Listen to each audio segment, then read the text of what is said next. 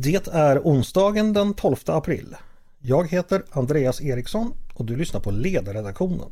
En podd från Svenska Dagbladet.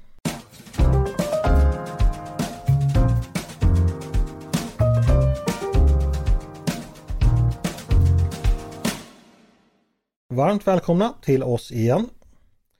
Ska utvecklingen av artificiell intelligens, AI, pausas? Det är ju ett förslag som har fått stor uppmärksamhet de senaste veckorna. Jag är övertygad om att alla som lyssnar har hört talas om det. Bakgrunden till det är förstås teknologins snabba utveckling som enligt vissa skulle kunna utgöra ett hot eller en fara om inte resten av samhället får tid att anpassa sig till den. Det tänkte vi skulle ägna dagens podd åt. Med mig för att göra det har jag tre gäster. Joakim Wernberg, lektor vid Lunds universitet och forskningsledare eh, med inriktning mot digitalisering och teknikutveckling på Entreprenörskapsforum. Välkommen hit Joakim! Tack så mycket! Och Mattias Sundin, tidigare liberal politiker, numera chefredaktör för Warp News och medgrundare och ordförande Warp Institute och allmänt framtidsoptimistisk debattör. Välkommen du också Mattias! Tackar så mycket! Och Christian Langgren, VD på företaget iTeam och också bland annat grundare av öppna skolplattformen. Välkommen du också. Tack så mycket. Hörrni, vi ska börja ytterst grundläggande innan vi ger oss in på, på djupare vatten. Joakim, vad är AI? Vad är den korta förklaringen? Du börjar egentligen med den svåraste frågan nu. Eh, det är lite där om de här problemen eh, kretsar just nu, att vi har väldigt olika uppfattning om vad vi menar när vi pratar om AI i forskningsvärlden, där vi började prata om AI någon gång runt 50-talet, började det här sätta sig ordentligt. Då handlar ju det om olika discipliner, ett samlingsnamn för discipliner som syftar till att skapa just artificiell intelligens, alltså slarvigt uttryckt tänkande maskiner. Nu pratar vi, nu har vi ju lyft ut det begreppet och det är inte helt oproblematiskt till, till att prata om det i ekonomi och samhälle och politik och reglering. Och här pratar man egentligen om AI-system och lite slarvigt, om jag, om jag blev avkrävd en definition så skulle jag säga en samling tekniker som utför någon typ av kognitivt arbete genom att samla in och bearbeta data. Men problemet i debatten och problemet som, som leder upp till det här uppropet är att vi, det finns en massa olika sorters AI. Vi har dagens AI som många brukar beskriva som smal eller eh, narrow. Eh, den är väldigt, väldigt bra på att utföra en väldigt väl avgränsad uppgift. Utvecklare idag syftar istället, de, de siktar på att utveckla AGI, alltså generell artificiell intelligens, som ska kunna ta det den kan inom ett antal domäner och tillämpa det på en ny domän som den inte har tränats för. Så man tränar ju, man tränar ju AI-modellen för en, en, viss typ av tillämpning och så ska den kunna ja, anpassa sig till ett nytt tillämpningsområde. Och sen har vi en tredje falangen som pratar om det som bäst beskrivs som, eller den gemensamma nämnaren är att man brukar kalla det superintelligens. Och de som då tittar på risker kring superintelligens, då, då, då, går vi över i att maskinerna ska ha någon typ av självmedvetande eller en egen agens, att de ska kunna ändra sina prioriteringar och, och faktiskt utveckla ett tyckande för det de gör. Eh, det har ju inte de här andra typerna av AI, de har inte agens på det sättet. Så att stegvis, man kan säga så här, vi befinner oss just nu mellan smal AI och AGI. Och där, där finns det de som tror, nej alla är inte övertygade, om att utvecklingen kommer ske stegvis. Så att får vi bara tillräckligt stora modeller så kommer vi få AGI. Det betyder däremot inte att vi stegvis kommer att få en Terminator, alltså en, en maskin med medvetande. Och det här uppropet nu blandar lite ihop korten. Där har man beskrivit risker som har att göra med superintelligens och så har man blandat ihop dem med AGI och även smal intelligens. Och det här är något som går igen i, i andra delar av samhällsdebatten också. Vi tittar på EU som håller på att ta fram en AI-förordning. Där har det förekommit att man använder olika definitioner av vad man menar med AI i olika utskott i parlamentet och man blandar friskt vad gäller högrisk, högriskområden och lågriskområden, vad som faktiskt är dagens AI och vad som är framtidens AI. Det var väl en alldeles utmärkt introduktion. Eh, vi då, vanliga svennar, när stöter vi på AI idag? Eller gör vi det någon gång? Hela tiden. Och det här är, det här är ett av problemen när man, när man pratar AI, eh, både framförallt i regleringssyfte, för att vi har egentligen levt med AI ganska länge. Du skulle inte kunna ta emot e-post idag om du inte hade AI eh, i ditt spamfilter. Du skulle inte kunna använda sociala medier om du inte hade AI där, som sorterar ut spam, som sorterar fram relevant innehåll för dig.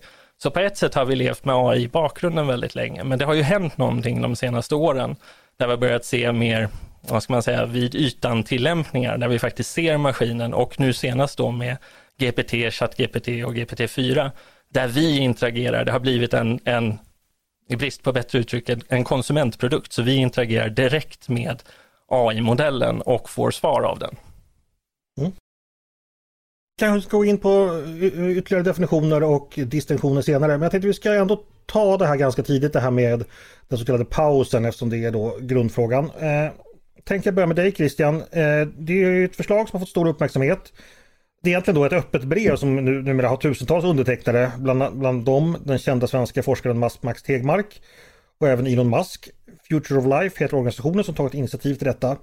Christian, du är en av de som har skrivit under. Hur, har, hur resonerar du då? Vad är det ni vill? Um, jo, men så här att um, det finns uh, det finns egenskaper i de här AI-modellerna som är emergenta, alltså som kommer vid något tillfälle och man vet egentligen inte i förväg vilket tillfälle de kommer. Eh, och till exempel så visste man ju inte i förväg eh, att den här versionen av GPT-4 skulle ha möjligheten att självreflektion, att den förstår fel i sina egna svar och kan liksom korrigera sig själv och så vidare.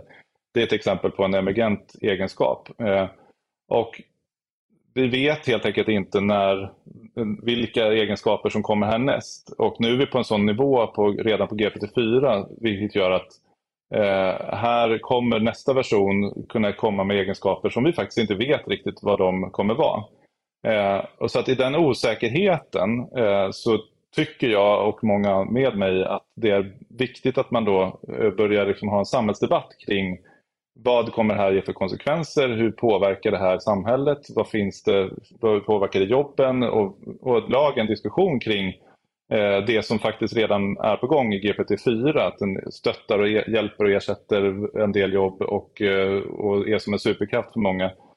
Eh, och att landa i den versionen först innan man tar eh, nästa version då, som är, man kan kalla för GPT-5 då, eller liksom nästa, nästa generation med, med ännu mer parametrar, med ännu mer datorkraft och med ännu mer eh, då, potentiella såna emergenta egenskaper.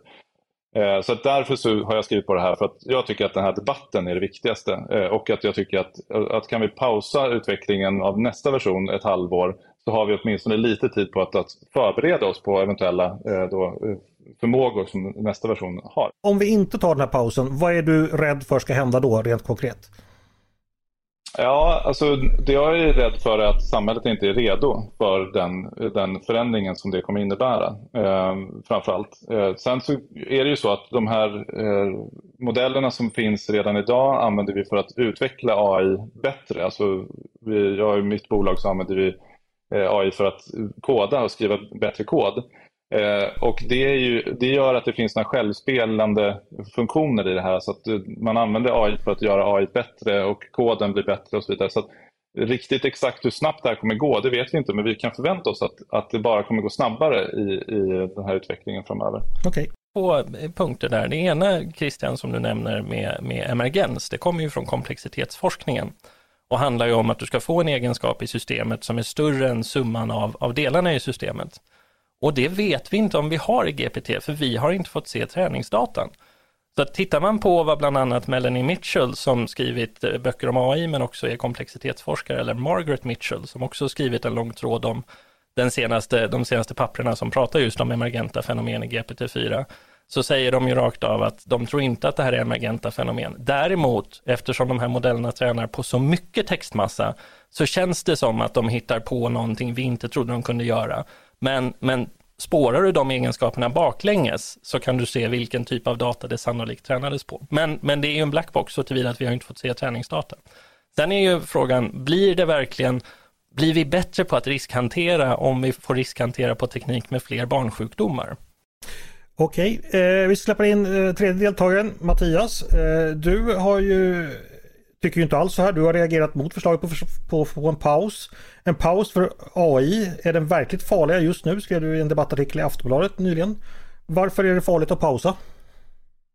Ja, det finns eh, flera mm, argument eh, för detta. Jag kan eh, bränna igenom dem eh, allihopa lite snabbt så kan vi fördjupa om, om det är något som vi vill gå in på mera. Men eh, det första man ska, eh, första man ska ta eh, tänka på är den här alarmismen som, som är kring AI nu. Eh, och eh, även i det här brevet ehm, så, så står det väldigt långtgående saker som att Ska vi tappa kontroll över vår civilisation? Ska vi automatisera bort alla jobb? Det är extremt långtgående eh, påståenden. Och då kan det ju kännas otroligt futtigt att ta en liten paus i sex månader om det är det vi eh, spelar med. Så det, det blir, det hänger inte ihop riktigt det här brevet. Men alarmism i sig är, är farligt och alarmister har, har alltid haft eh, fel när de larmar om, om mänsklighetens eh, undergång. Så de ska otroligt väl på fötterna eh, för att man ska lyssna på eh, alarmisterna. Det andra eh, uppenbara eh, och den här, de här extremt långtgående, väldigt, väldigt teoretiska eh, scenarierna gör att de här eh, missar de konkreta problem som finns just nu framför oss. Eh, till exempel Kina. Det har varit en debatt de senaste åren, en utförlig debatt om, om att Kina ska vinna AI-racet och många har menat att Kina kommer vinna AI-racet. Eh, nu leder de eh, inte, i alla fall inte inom, inom det här AI-området med ChatGPT och, och, och så. Eh, och då verkar det ju otroligt eh, dumt om demokratierna ska stoppa eller pausa sin utveckling så att de har en chans att, att hinna ifatt. Det låter ju hovsamt så här med sex månaders paus. Vi sätter oss och funderar lite grann i sex månader, sen bränner vi på igen. Ehm, jag är mycket rädd att det inte kommer bli en sex månaders ehm, paus, utan att det kan bli mycket, mycket längre än så. Dessutom har ju en paus i sig eh, mycket all, kan få mycket allvarliga konsekvenser. För det, dels skrämmer det upp folk och säger oh det här är något livsfarligt, det måste pausas. Eh, det leder ju till, eller kan leda till mindre investeringar i området, mindre forskning, färre entreprenörer som vågar satsa eh, på det här. Vilket alltså bromsar upp eh, den här utvecklingen och kan liksom skada den massivt. Och det har vi sett på andra områden där vi haft liknande debatter inom GMO med mat till exempel. Det är fortfarande extremt hårda restriktioner kring, kring detta och massa myter som, som florerar. Ehm, och sen det sista argumentet som jag tycker är det viktigaste och som det funderas väldigt, väldigt lite på, det är vad är alla de bra grejer vi riskerar missa om vi bromsar eller stoppar eller skadar ehm, um, AI-utvecklingen? Um, ehm, man har funderat väldigt mycket på långt, de här långtgående eh, teoretiska resonemangen om vad som kan gå fel. Och det är inget fel att göra det, det ska vi göra också. Men vi måste fundera minst lika mycket på vad är det som, vad är det som vi riskerar att missa. Säg, om vi drar ett långtgående åt andra hållet, säg att eh, den här AI-utvecklingen som vi är i nu eh, hjälper oss att bota cancer eller många, många fler cancerformer under de närmaste åren. Eh, är inte det något vi ska ta i, i beaktande? Plus allt annat, alla innovationer som vi behöver inom klimatområdet till exempel, som AI kan hjälpa oss med på en mängd olika eh, sätt. De måste vi fundera igenom rejält ehm, eh, hur, hur de tar skada eh, om, om man eh, en paus.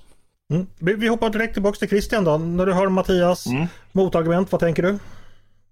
Ja, men jag tycker att du har ju rätt i en hel del av de, de eh, frågorna som du tar upp. Och framförallt den sista håller jag verkligen med om. Eh, om en, alltså, vi behöver ju AI för att lösa våra stora problem. Det finns en mängd problem som är så komplex, komplexa så att vi inte klarar av att lösa dem utan att tillföra mer eh, alltså, eh, intelligens i, och analys för att lösa dem.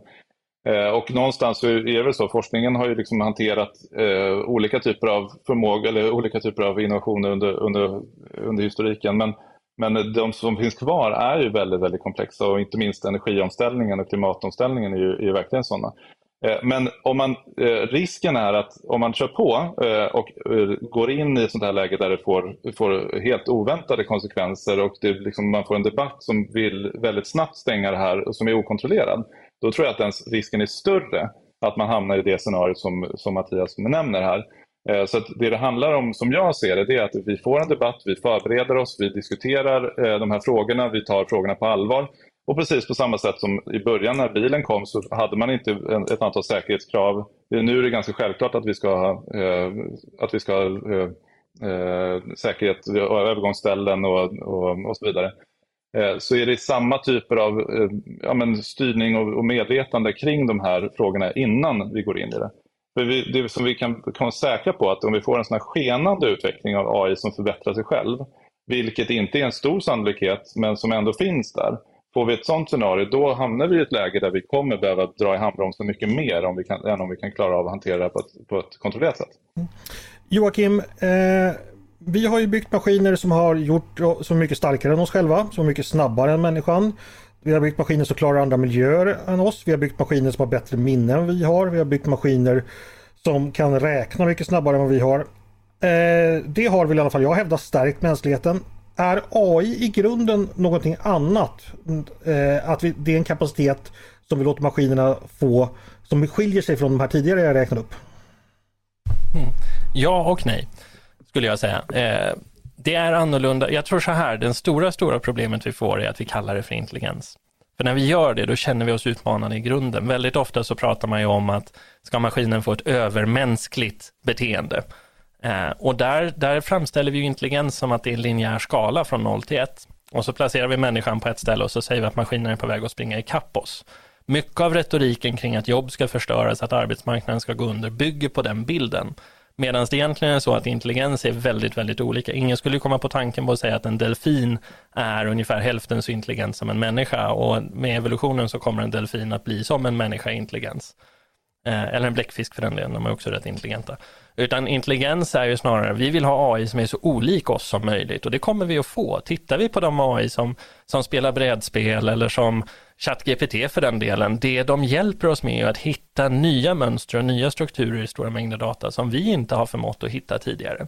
Så jag tror en del av det är att vi, vi, vi på grund av att vi pratar om det som intelligens så ägnar vi oss åt, åt så kallad antropomorfism. Vi, vi projicerar mänskliga värden. Vi tror att det sitter någon och svarar på oss. Om man, om, eh, hur många rubriker har du sett med ChatGPT har klarat högskoleprovet eller klarat juristprovet? Den kan inget av de sakerna. ChatGPT kan inte leverera en världsbild som är deduktivt sammanhängande. Däremot så kan den lösa textbaserade uppgifter en och en. En AI som kan översätta mellan två språk lär sig inte de två språken, den lär sig strukturen, den statistiska strukturen mellan de två. Eh, så att hade vi kallat det här vad det är i grund och botten, kognitivt arbete, då vill jag istället säga att nej, det är inte, faktiskt inte så stor skillnad, utan vi håller på att bygga verktyg som hjälper oss göra det arbete vi gör med huvudet. Det är klart att det är annorlunda än det arbete vi gör med de andra musklerna i kroppen, men, men inte så distinkt annorlunda. Mm. Men vad skönt, det är ungefär som, som jag trodde i så fall. Är det någon annan av er som vill, Christian eller Mattias, som vill protestera där och säga att det här är någonting radikalt annorlunda än de exempel jag nämnde? Ja, alltså jag tänker att eh, det som man eh, ofta hamnar fel när man pratar om AI tar jobb är ju att man tänker att det är ett AI som liksom ersätter människor så behövs inga människor alls. Och så tror jag verkligen inte att det kommer bli. Jag håller verkligen med om, om bilden att det här är ett verktyg.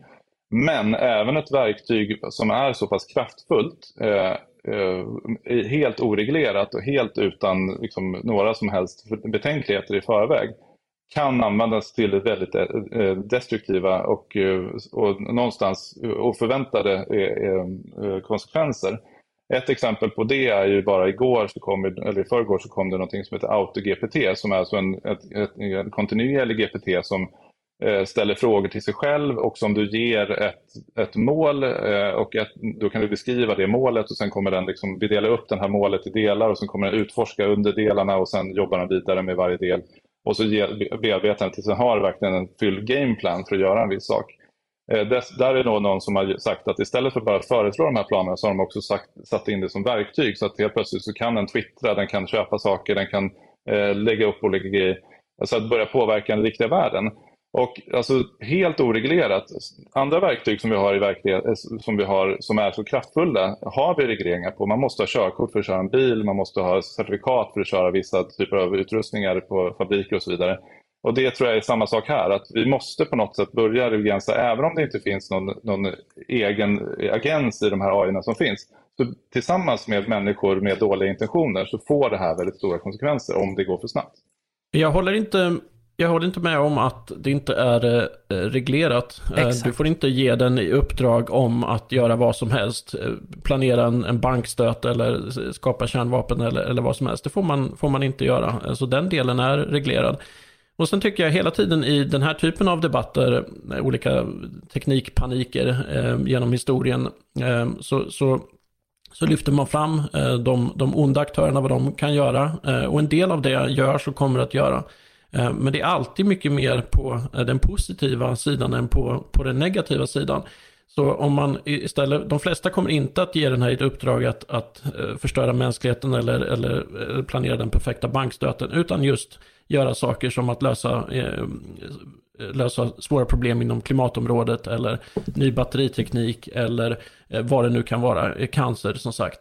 Det är den typen av grejer vi kommer att använda det till framför allt. Och det där, det där är jätteviktigt, för i EU så har vi ju tagit ett annat perspektiv än i andra eh, stora delar av resten av världen, där vi har valt att försöka lagstifta det här horisontellt.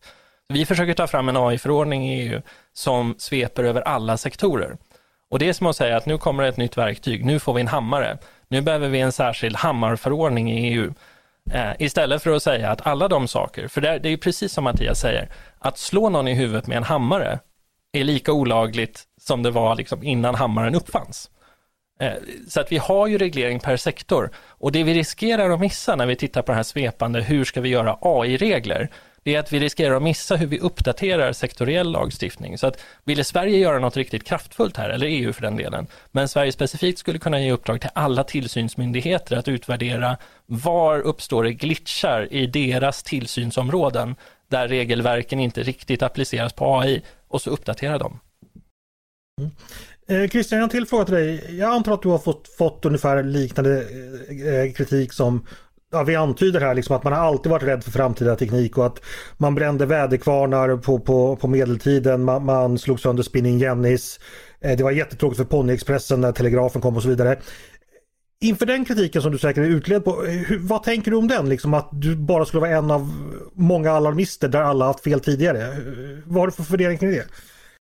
Nej, men alltså jag är en person som alltid har stått på de här herrarnas sida eh, och eh, velat att, att världen ska gå snabbare och att sluta hålla på och prata om alla negativa effekter. För att precis som, som vi sa här, att det är de positiva effekterna som är de viktiga och det är de i slutändan som hela tiden, alla förändringar som har skett under industrialismen har ju lett fram till hela tiden nya, nya eh, förbättrade sätt att se på, på världen. Men eh, samtidigt så kan man säga att, att det finns exempel där man faktiskt har tagit den här typen av moratorium att, eh, att vänta och avvakta och dra gränser i sanden och säga att eh, när vi uppfann eller vi hittade CRISPR så en av de slutsatser man drog tidigt där var att nu ska vi liksom dra en gräns och inte agera för mycket på arvsmassan och, och på, på könscellerna eh, för att det får sådana här typer av or, eh, liksom oreparabla eh, effekter. Eh, det finns ett antal sådana eh, överenskommelser som man har gjort frivilligt och det är inte alls, alls nödvändigt alltid att, att de behöver skrivas i lag och regleras utan det kan bara vara en sån här frivillig överenskommelse för att ge eh, då, eh, den här, den, den, samhället och debatten en möjlighet att komma ikapp den forskningen som sker. Det finns ju en legendarisk, eh, delvis lite okänd situation under andra världskriget som jag kommer att tänka på. Det var när den tyska forskaren Heisenberg begav sig och träffade Niels Bohr. Och det finns väl idéer, nu minns jag inte det här riktigt säkert, någon av herrarna kanske kan, kan det här bättre, men att man föreslog någon form av, att han ville se någon sorts internationell fysikerstrejk för att inte utveckla atombomben. Men Bohr han blev istället förfärad över att tyskarna forskade på det här så han flydde via Sverige och hamnade så småningom i Manhattan-projektet. Joakim, du kan säkert den här historien. Hur, hur, var det där? Nej, det kan jag faktiskt inte. Men jag vill, jag vill knyta an till det Christian sa om, för vi, det här har vi ordväxlat lite om på Twitter, Christian. Eh, det, är, det är dels den här, eh, som jag alltid säger fel på, på eh, vad den heter, Asil, Asilomar-konferensen om, om recombinant DNA och CRISPR. Dels som Mattias nämnde här i förbifarten så, så är det ju så att flera sådana moratorium har ju också fått negativa effekter. Men om vi, om vi lägger det åt sidan så finns det ju en, en fundamental skillnad och här handlar det om att forskare gick ut och så sa de vi vill ha en diskussion om hur ska vi utföra experimenten i labbet? Hur ska själva experimentverkstaden se ut? Och sen så självreglerade de det och sen så, som sagt, låt oss lämna därhen om det var positivt eller negativt. Det det här handlar om, riskerna här, det jag är orolig för är att vi blandar ihop, dels blandar vi ihop smal, och, smal AI, dagens AI och framtidens AI. Och riskhanterar vi superintelligens med regler för smal AI eller tvärtom, då blir det katastrof. Det kommer inte funka. Men det är också så att riskerna uppstår ju där vi använder tekniken. Det är därför ett sånt här upprop, som dessutom i uppropet kräver man ju att stater ska gå in om det inte blir ett frivilligt moratorium. Den här typen av upprop för mig är, är totalt motsägelsefullt. Ska vi ha kontroll över vår civilisation, då är det teknisk utveckling vi behöver, precis som du själv säger. Ja, bara det faktumet att vi sitter och debatterar här är ju, ett, är ju en konsekvens av det här uppropet. Eh, och det är ju det som vi är ute efter. Så att någonstans så tror jag att bara diskussionen kring vad riskerna i det här är, är positivt i sig. Men sen tror jag det är jätteviktigt att säga att vi måste, samtidigt som vi, som vi pausar den senaste, GPT-5-versionen av det här, så måste vi samtidigt öka eh, våra investeringar i hela världen egentligen för att använda och förbereda oss på de här eh, tillämpningarna som finns. Eh, så att det är lite svårt kommunikativt i det här eh, hur man, vad man försöker göra, men, men att vi behöver, och speciellt i Sverige så har vi ju dessutom ett av Europas eh, största eh, såna här språkmodeller i Stockholm som sitter, eller, som sitter och utvecklar GPT-SV. Det är en fantastisk möjlighet att komma ikapp den här utvecklingen då, och se till att använda den så mycket som det bara går. För det är när samhället är med i den här utvecklingen, det är då det kan bli på riktigt. Det är då det kan bli forma positiva effekter. Om det går för fort, då tror jag att risken är att, man, att vi kommer bli överrumplade och sen i efterhand så kommer vi få en mycket starkare motreaktion. Jag skulle säga att det inte bara är ett kommunikativt eh, problem, eh, utan det är ett verkligt problem att få till det. Och att säga att vi måste, det här är så farligt så vi måste pausa det. Vi kan inte utveckla det här, vi måste pausa, stoppa ett tag, fundera över farorna och samtidigt få eh, antingen privatpersoner eller politiker satsa skattepengar i att snabba på utvecklingen, att förbättra utvecklingen, eh, att ta nästa steg och så. Det går inte ihop eh, och det är det som kommer att skära sig i det här om man, om man gör en paus. Och jag är inte emot eh, ett dugg att man, som vi nu diskuterar, föror och möjligheter, vad man kan göra för att undvika problem, vad man kan göra för att skapa större möjligheter. Eh, men vi behöver ingen paus för det, utan det är pausen som är, är det skadliga här. Inte att vi har en debatt och en diskussion eh, om det här, utan, utan det, det, är pausen. Och, och det är inte bara en, en paus vad gäller just AI-tekniken. Det skulle vara en symbol för all teknikutveckling. Eh, de som menar att, att den per se är dålig eller att det är mer dåligt än bra som kommer av teknikutveckling. De får ju verkligen vatten på sin kvarn. Ja men titta vi pausade inom A-utveckling, nu måste vi pausa inom X, Y, Z eh, också, för det är också jättelivsfarligt. Eh, så jag tror att det kan få väldigt stora, risken att det får väldigt stora konsekvenser, inte bara vad gäller AI. Vi hade ju en debatt innan uppropet också ska man säga och, och Future of Life är ju väldigt mycket en del av den debatten. De har ju varit väldigt närvarande Exakt. i diskussionen om AI-förordningen. Mm. Hörrni, jag ska ta, bryta lite här för jag har en fråga som jag egentligen skulle ha tagit inledningsvis men som jag är väldigt nyfiken på. Hur kommer det sig att vi får den här utvecklingen precis nu? Har det skett några stora steg någonstans inom hårdvaran eller mjukvaran eller kunskaperna som gör att AI, varför sker det just nu? Varför går det framåt så snabbt just nu? Jag kan hoppa in så får, jag gissar att Christian kommer fylla på om inte Mattias gör det. Ja, men, men det stora maskininlärning, det vi kallar AI idag är nästan alltid maskininlärning eller djupinlärning. Vi har ju fått tillräckligt stora datamängder och tillräckligt kraftiga datorer för att köra de här, många av algoritmerna som, som, som eh, startade utvecklingen på maskininlärningsområdet, de är gamla, de är riktigt gamla. Så att det här är egentligen någonting som har möjliggjorts av att andra tekniska begränsningar har flyttats. Sen är det också så att vi upplever det som ett hopp när vi fick ChatGPT. Eh, egentligen är det inte så mycket av ett hopp, utan, utan den här utvecklingen har ju funnits på ett antal AI-labb under lång tid. Men nu blev det en, en så att säga, konsumentvänlig produkt. Och då kände vi att helt plötsligt hände det någonting radikalt. Då tog vi ett liksom, trappsteg. Ja, men jag tror att framförallt är det kanske första gången, som, som eh, du sa Jocke tidigare, att det är första gången som vi får, får användning att direkt med modellen. så att säga. Det är först nu som de flesta får en känsla för vad det här är. Vi som har jobbat med AI och maskin, har ju, har ju fått se de här och testat de här modellerna själva. Och så där. Men det är det ena, men jag tänker också att det som eh, skiljer sig är att det, det, har blivit, det är ganska liten skillnad mellan att, att ett, eh, ett, ett, AI eh, kan generera ett resultat som är nästan bra till att det är så pass bra så att jag kan använda det. Den där gränsen är ganska hårfin. När man väl går över den, det är samma sak med, med sådana här transkriberingstjänster som ni vet. Om de funkar lite halvdant och du måste hela tiden gå in och ändra något litet ord så är det liksom inte intressant. Men när du väl lyckas få alla orden rätt, då blir det helt plötsligt jätte, jättebra. Eh, så det är väl det ena. Sen så tror jag att, att eh, här, den här typen av investeringar har blivit en kapplöpning mellan olika både regioner i världen, mellan USA och Kina, Europa, eh, mellan olika techföretag som kämpar om att få vara de som kommer först till några landvinningar som man vet ligger där i närheten. Så det har investerats enormt mycket pengar de senaste, de senaste två, tre åren. Eh, och sen det tredje tror jag är att, att man använder sig av nu också av AI för att programmera de här, eh, alltså man får hjälp i att, att resonera till och med kring hur man och lär sig hur den här utvecklingen ska ske. någonting som förut bara var genom att man gick på universitetet, man hade liksom tillgång till en professor som visste och som kunde lära upp. Nu har vi liksom demokratiserat en stor del genom den här AI-utvecklingen. Så det finns ett antal parametrar som tillsammans spelar in. Och sen ska man nämna också öppen källkod. Allt, mycket av det här, nu, nu är det tyvärr så att deras senaste version, GPT-4 och GPT-3, är inte öppen källkod trots att OpenAI heter just Open i sitt namn. Vilket jag tycker är ett problem. Det skulle vara betydligt mycket bättre om man faktiskt kunde forska på det här tillsammans i hela världen istället för att få de här separata utvecklingarna som sker nu. Okej, vi ska snart ta, ta avrunda här hörni. Jag har bara en fråga eh, till, eller jag har flera frågor till, men, men en viktig förstås. En AI som så att säga skulle kunna utveckla, som i filmerna, en självmedvetenhet och börja betrakta inse att en människan kan faktiskt dra ut min strömsladd. Det vill jag inte ska ske, alltså måste människan försvinna.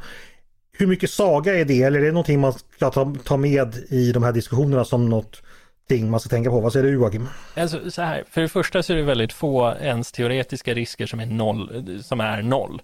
Eh, det mesta är faktiskt om man tittar på det så gott vi kan med de vetenskapliga verktyg vi har så, så är risken större än noll. Eller nollskild. Eh, nollskild. Men eh, med det sagt så skulle jag säga att den är mycket liten. Det betyder inte att vi inte ska prata om den, utan, utan min poäng i den här debatten har just varit att låt oss prata om riskerna med sån här självmedveten superintelligens. Men låt oss göra det i ett helt annat rum än där vi reglerar dagens AI, för det är två olika saker. Mm. Okej, eh, då tänkte vi skulle få avrunda. Eh, jag tänkte ni ska få, få liksom avrunda eh, var för sig med varsin replik som ni tycker att lyssnarna ska ta med sig när de funderar över AI i framtiden eller man ska ta med sig från det här samtalet. Eh, vill du börja Mattias? Vad tycker du är det, det viktiga här? Ja, alltså när man pratar om det här och, och, och, så, eh, och när man ser den här typen av brev och öppna brev och eh, så, så, så, så liksom är det lätt att det skapas en stämning av att det här är något farligt läskigt. Eh, och så. Men det är det inte. Det är inte ett dugg läskigt. Det är inte läskigare än att du själv går in på ChatGPT och börjar, börjar använda den. Och det jag skulle säga är genombrottet och också lite svar på din tidigare fråga. Dels har vi en exponentiell utveckling när saker och ting dubblas hela tiden. Då känns det som att helt plötsligt händer det, eh, fast det har pågått eh, i mindre steg tidigare. Men det som jag uppfattar som det stora genombrottet nu, det är ju att vi kan styra maskinerna och datorerna här nu med, med vårt naturliga språk. Vi måste inte lära oss programmera, eh, vi, måste inte, vi gör inte hålkort och vi, vi eh, har inte maskiner som vi skruvar på, utan vi kan prata med vårt naturliga språk och det gör ju det tillgängligt för så enormt många eh, fler människor att, att styra eh, datorerna. Och vad det gör är ju att det det uppgrad, man pratar om artificiell intelligens, men det är ju våran intelligens som, som uppgraderas eh, tack vare detta. Det finns massa kreativitet här uppe i skallen på mig och Christian och, och alla andra. Eh, och, och Eh, som kan komma ut eh, på ett nytt sätt. Till exempel så har jag eh, inom bildområdet, jag, jag, har alltid, jag har en bild i huvudet hur jag vill ha en design eller hur någonting ska se ut. Och sen som jag gör det själv, då blir det absolut inte så, det blir skitdåligt. Eh, så ber jag en designer göra det så lyckas de aldrig få till det precis som jag har i mitt huvud, för jag kan inte liksom visa det. Och jag har inte lagt ner den tiden på att själv lära mig det här, så intresserad har jag inte varit.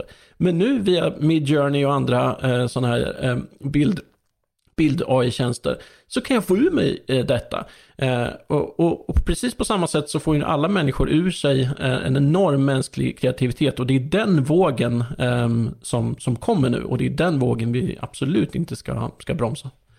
Mm. Eh, Christian, samma fråga till dig. Då. Vad tycker du lyssnarna ska ta med sig ut från den här diskussionen? Vad är det viktigaste? Att vi måste, precis som Mattias säger, eh, lära oss den här tekniken. Det är väl egentligen det viktigaste. Eh, oavsett om det blir en paus eller inte så är det viktigaste för var och en att göra precis så. Att gå in och testa det här och pröva på det och känna efter. Och, lära sig att använda det här i, sitt verk, i, sin verksamhet. Om man går till jobbet, man använder det hemma, man ska planera ett bröllop eller vad sjutton man än håller på med. För det här är liksom en en, en extra kraft som, som kommer påverka oss helt oavsett vad som händer i övrigt så kommer det här bli en del av vårt liv. För det här är så pass kraftfullt och det påverkar oss så pass mycket. Eh, men sen tycker jag också att man eh, ska fortsätta debattera den här frågan och se var, var går gränsen för hur, hur snabbt det här ska gå eh, på, ett, på ett naturligt och bra sätt. För jag tycker inte alls att man ska vara rädd för AI, det gör jag inte, men däremot tycker jag att vi ska, det är vi som är människor som, som måste styra farten i det. Mm. Och Joakim då slutligen, vad, vad, vad är ditt sista ord? Jag håller med både Mattias och Christian om att vi ska lära oss tekniken och det finns två faror på vägen dit som, vi, som just där vi är nu som jag ser det. Det ena är den här antropomorfismen, att vi, vi vill se ett spöke i maskinen. Vi tror att det finns en människa på andra sidan ChatGPT, för det känns så. Den måste vi lära oss att hantera, den är ny för oss.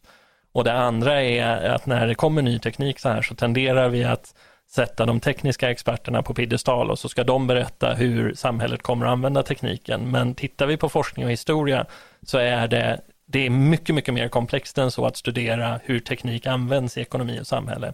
Så att vi behöver AI-professorerna i debatten. Däremot så kommer de inte kunna berätta för oss hur AI kommer påverka arbetsmarknaden till exempel. Toppen! Eh, då har vi lärt oss jättemycket nytt om AI hoppas jag. Det har i alla fall jag. Och därmed är det dags att säga ett stort tack till Joakim Wernberg, Mattias Sundin och Christian Langgren för att ni kom och pratade med mig idag. Tack så mycket! Tackar! Tackar! Och tack också till er som har lyssnat på Ledarredaktionen, en podd från Svenska Dagbladet. Ni är varmt välkomna att höra av er till redaktionen med tankar och synpunkter på det vi precis diskuterat. Eller om ni har förslag på det vi ska ta upp i framtiden. Då är det bara att mejla till ledarsidan snabel svd.se.